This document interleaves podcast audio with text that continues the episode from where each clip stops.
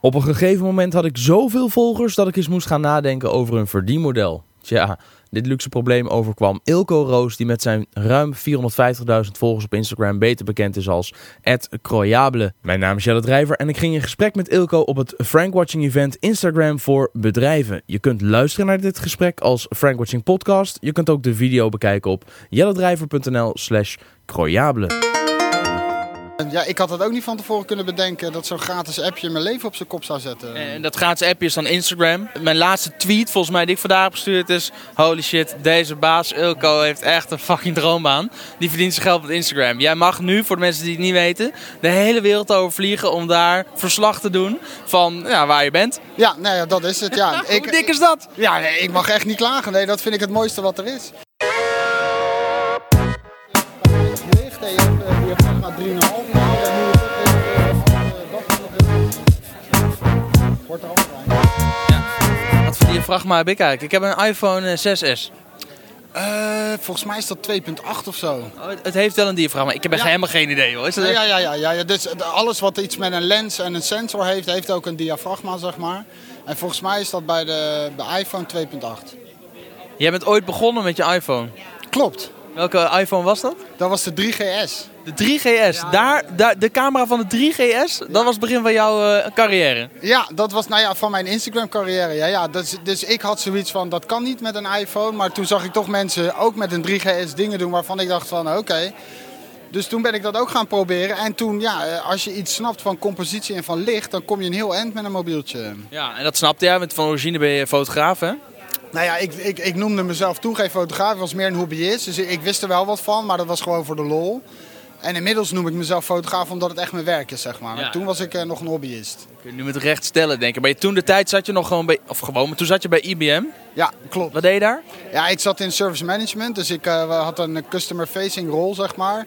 Dus uh, stel jij besteedt je IT uit aan IBM, dan praat je met mij als er problemen zijn, zeg maar. En dan moet ik zorgen dat de interne organisatie dat gaat oplossen. Ja, er komen heel veel foto's en mooie composities bekijken. Helemaal niks, nee. dus je deed het echt in je, in, je, vrije tijd ernaast? Ja, precies. Dat was het inderdaad. Dat, dat was echt gewoon eh, mijn boterham, zeg maar. En dat, ja, ik werd daar ook niet echt gelukkiger van, maar...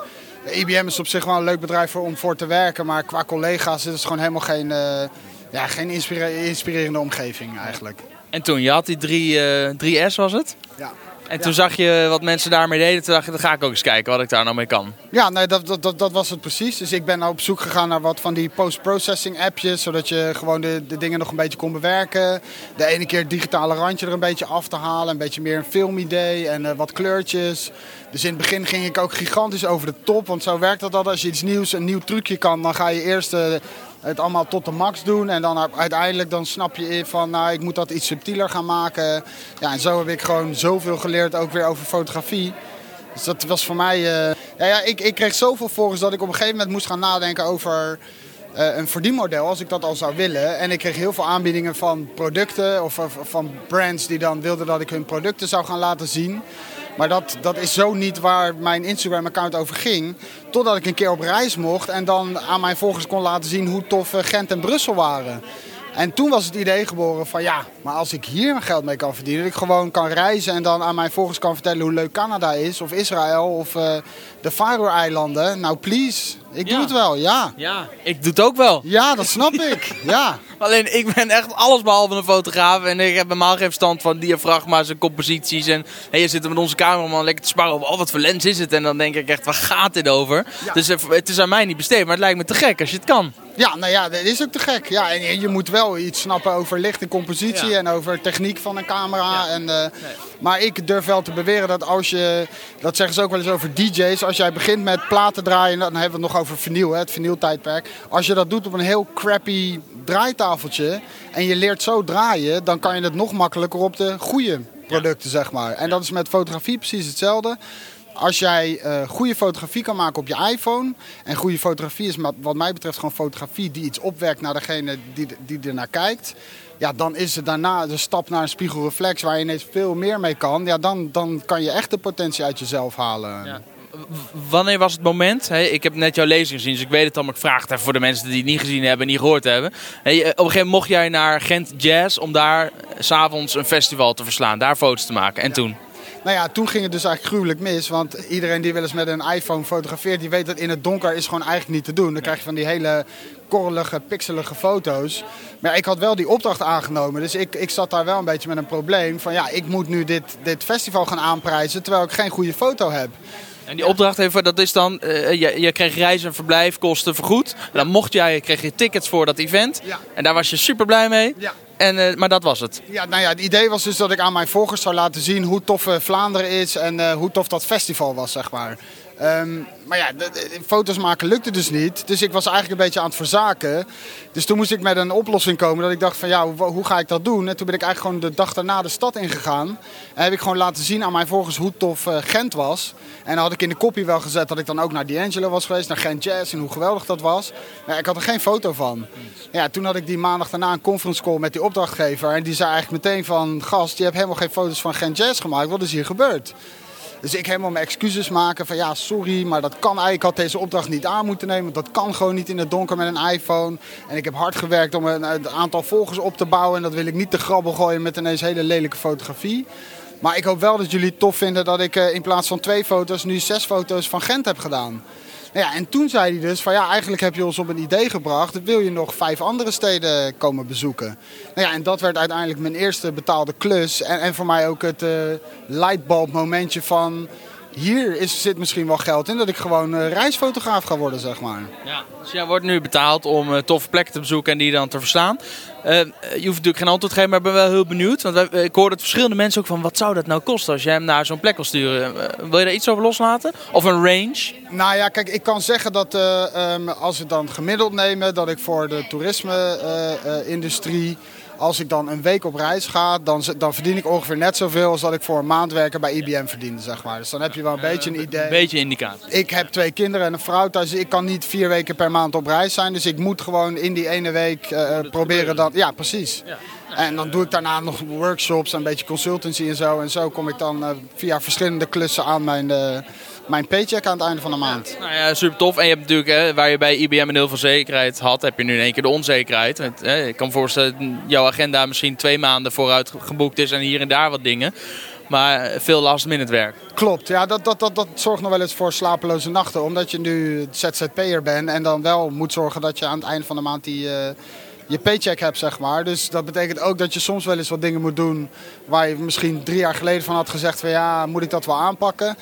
Maar vaak als ik het zo'n draai weet te geven richting zo'n bureautje of zo'n klant, dat ik het wel op mijn manier mag doen, dan kan ik er ook nog wel een uitdaging in vinden om met een brand samen te werken waar ik misschien drie jaar geleden van dacht dat ga ik niet doen.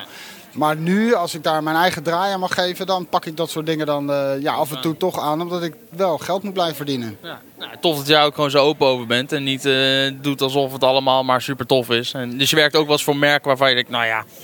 Uh, ja, het, het, gaat dan niet per se om merken, maar bijvoorbeeld auto's. Ik heb niet zo heel veel met auto's en ik ga auto's ook vaak uit de weg in mijn fotografie. Maar ja, nu heb ik dan toch een aanbieding van een automerk die, die dan ja, op mijn manier, uh, um, ja, op mijn manier mag ik die foto gaan schieten, zeg maar. Ja, en dat, dat pak ik nu toch aan en dat had ik drie jaar geleden niet zo snel gedaan. En dat is niet alleen omdat ik nu uh, ZZP'er ben, maar ook omdat ik uh, soms gewoon nog wel op zoek ben naar een uitdaging van je kan dat eeuwig uit de weg blijven gaan. Of je kan gewoon eens kijken van ja, als ik er nou wel mee ga samenwerken, kan ik er dan een draai aan vinden dat het toch echt iets eigens wordt, zeg maar. Dat het authentiek blijft. Je hebt heel veel gezien op de hele wereld inmiddels. Ik hoorde tijdens je lezing een aantal locaties uh, jaloersmakende locaties uh, voorbij komen. Wat was de, de mooiste, meest waanzinnige plek waar je geweest bent? En wat was de meest indrukwekkende plek waar je geweest bent? De mooiste plek waar ik geweest ben, dat moet toch wel Alberta, Canada zijn. Dat is, daar heb ik echt mijn tweede huis gevonden, heb ik het gevoel. Ik denk er ook nog steeds wel eens over om, serieus over om daar naar te emigreren, zeg maar. Canada zijn hele ruimdenkende mensen, net zoals dat wij zijn, zeg maar. Maar wij wonen natuurlijk in een super plat land. En als je dan daar in die Canadian Rockies, je hebt daar één zo'n highway, die heet... Uh, dat weet ik even niet meer. Maar die ene highway die duurt ongeveer vier uur van het ene national park naar het andere national park. Nou, en als je die, die roadtrip doet, je, je, je hebt als Nederlander nog nooit zoiets meegemaakt. Van watervallen tot blauwe meren en die bergen. En, dus dat is wat mij betreft wel de mooiste plek op aarde zo'n beetje. Iets om een keer met de motor te doen. Dat zou helemaal fantastisch ja. zijn. Ja, ik had gewoon zijn auto laten huren. Dus ik zat in mijn eentje in de auto met mijn muziek. En ik kon stoppen wanneer ik wilde. En daar een beer en daar een uh, eland. En een geweldig. En de meest indrukwekkende plek. ja, dat, dat, dat moet toch wel Oeganda zijn, waar ik laatst een campagne heb gedaan voor Stop Kinderarbeid. Dat, daar heb ik nu nog steeds uh, de naweeën van, omdat het gewoon heel confronterend is. Uh, een paar weken geleden. Ja, ja, als je gewoon inziet wat het contrast is tussen nou ja, dat soort uh, armoede in, in, in, in, in Afrika en hoe goed wij het hier eigenlijk hebben. En dat wij hier ook klagen over ja, dat de wereld draait door elke week maar hetzelfde aan het doen is. Of dat mijn zoontje zeurt dat ik vergeten ben de iPad op te laden. Als je dan een keer een week in Oeganda bent tussen de kinderen in goudmijnen, dan biedt dat wel een hele hoop relativatie, zeg maar. Ja. Nou, supergoed dat je je platform daarvoor inzet, denk ik, om daar ook aandacht voor te vragen. Het heeft je wel een paar duizend volgers gekost. Zou je het weer doen? Ik zou het meteen weer doen. Ja, ik, ik had wel van tevoren al bedacht van... Uh, ja, de Instagram is toch wel een beetje een soort van mooi weerplatform. Mensen willen toch graag alleen maar geïnspireerd worden en mooie dingen zien. En ik wist dat een soort van bewustwordingscampagne niet bij iedereen goed zou vallen. Ja, gelukkig heb ik bijna 500.000 volgers. Dus als je er dan 3.000 of 4.000 kwijtraakt, maakt dat ook niet zo heel erg veel uit. Dus ik had dat van tevoren wel ingecalculeerd. Ja, maar ook dat het, ik vind het toch ik vind het best veel. Ik, bedoel, ik denk dat veel mensen met gewoon überhaupt 4.000 volgers dolgelukkig zouden zijn. Ja. En bij jou was het gewoon in één campagne poef, weg. Ja, nee, dat is ook zo. En ik, ik, ja, ik had wel verwacht dat ik er wat zou verliezen, maar niet zoveel. Dat, dat viel mij ook wel, uh, wel op. Maar goed, eh, ja, ik had de bewuste keuze gemaakt om toch ook iets anders te doen met mijn relatieve invloed. Niet alleen maar commerciële projecten, maar ik wilde ook gewoon eens kijken of ik iets moois kon doen voor een goed doel. En ik ben uiteindelijk heel erg blij met het resultaat van die campagne. En uh, ja, dan ben ik maar wat volgers kwijt. Ja, super mooie foto's zijn het geworden. Ik kan me voorstellen dat de mensen te kijken, misschien uh, nou, niet eens alleen maar jongeren, want ik, zou, ik vind het ook moddervet wat je doet. Ik ben ook gewoon jaloers. Maar als nou mensen te kijken denken, fuck gek, dat wil ik ook. Uh, ik kan me voorstellen dat je niet per se op concurrentie zit te wachten, maar help ze nou toch eens op weg. Waar moeten ze beginnen? Nou ja, waar je vooral moet beginnen is gewoon gigantisch veel gaan fotograferen. En ik zeg altijd, je moet jezelf nooit ten doen stellen om een influencer te worden. Want dan ga je daar te hard je best voor doen. Als jij ergens een gigantische passie voor hebt, dan zal, dat, dan zal de kijker dat zien. Die zal dat voelen. En of dat nou over schrijven is of fotografie eh, als uh, een culi-persoon of uh, natuurfotografie. Mensen moeten gewoon zien dat het authentiek werk is. Dat het iets is wat de passie heeft voor jou, zeg maar. Dus als je goed wil gaan leren fotograferen, moet je vooral heel veel doen. Ga eens wat boeken lezen over compositie en licht en, en techniek van een camera. En ga dan gewoon vooral heel veel fotograferen. En ga ook gewoon rustig je favoriete fotograaf een beetje kopiëren. Om gewoon eens te kijken van waarom vind ik dat nou zo'n toffe foto. Pluis dat eens uit voor jezelf. En kijk eens of je het kan reproduceren. Ik bedoel, eh, authenticiteit bestaat eigenlijk niet. Iedereen heeft elke noot al een keer gespeeld en elke foto is eigenlijk al een keer gemaakt. Dus probeer voor jezelf maar gewoon ook via het kopiëren van anderen op zoek te gaan naar jouw stijl en jouw vorm die het beste bij je past. Nou, dan ga ik je meteen om, om, om advies vragen en feedback. Want wat jij doet, dat, dat, dat zou niet bij mij passen. Als, ik, eh, als je het hebt over authenticiteit. Ik moet, niet gaan, ik moet geen foto's gaan maken. Wat ik te gek zou vinden is wat... Uh, uh, hoe heet nou jongens? Uh, hij is bij jou geweest in Canada voor BNN. Valerio, Valerio jongen, jongen, jongen. Nou, Kijk, wat Valerio doet, dat zou ik dus echt ja. dat zou ik te gek vinden. Daar heb ik met hem ook gesprekken over gehad. Want hij wist dus als kind al dat hij presentator wilde worden. Zeker. Er is geen school voor presentators. Dus wat heeft hij gedaan? Hij is een opleiding gaan doen tot cameraman. Want dan kom je in dat wereldje terecht. En daar ontmoet je mensen, bouw je een netwerk op. En dat, dat heeft hij dus gedaan. Dat is zijn geheim. Slim. Een ja, briljante fonds. Want hoe kom je in dat wereldje? Nou, bijvoorbeeld door cameraman te worden. Fuck, dan moet ik toch gaan leren hoe het zit met die diafragma's en die, en die tekens op die lenzen. Ik ben bang van wel, ja.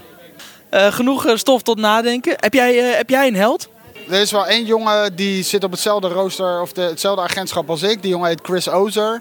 En die heeft ja, een soort van dezelfde weg bewandeld als ik. Alleen wordt een influencer en dan zeker een Instagram-influencer in Amerika wat serieuzer genomen dan in Nederland. En daar, daar klaag ik niet over, maar die jongen die, ja, die doet nu gewoon wel nog leukste Instagram. Maar die doet vooral dingen naast zijn Instagram. Dus zijn Instagram heeft hem zijn, zijn, zijn faam gegeven, zeg maar. En daarmee heeft kunnen laten zien hoe een goede fotograaf het is. En bij hem heeft dat geleid tot juist heel veel offline werk. En daar, dat zou ik ook heel graag willen. Dat het gewoon ik haat bijvoorbeeld ook het woord Instagram-fotograaf. Dat, dat, is, ja, dat bestaat. Veel meer dan dat. Nou ja, je bent een fotograaf en je kiest dan Instagram als je platform.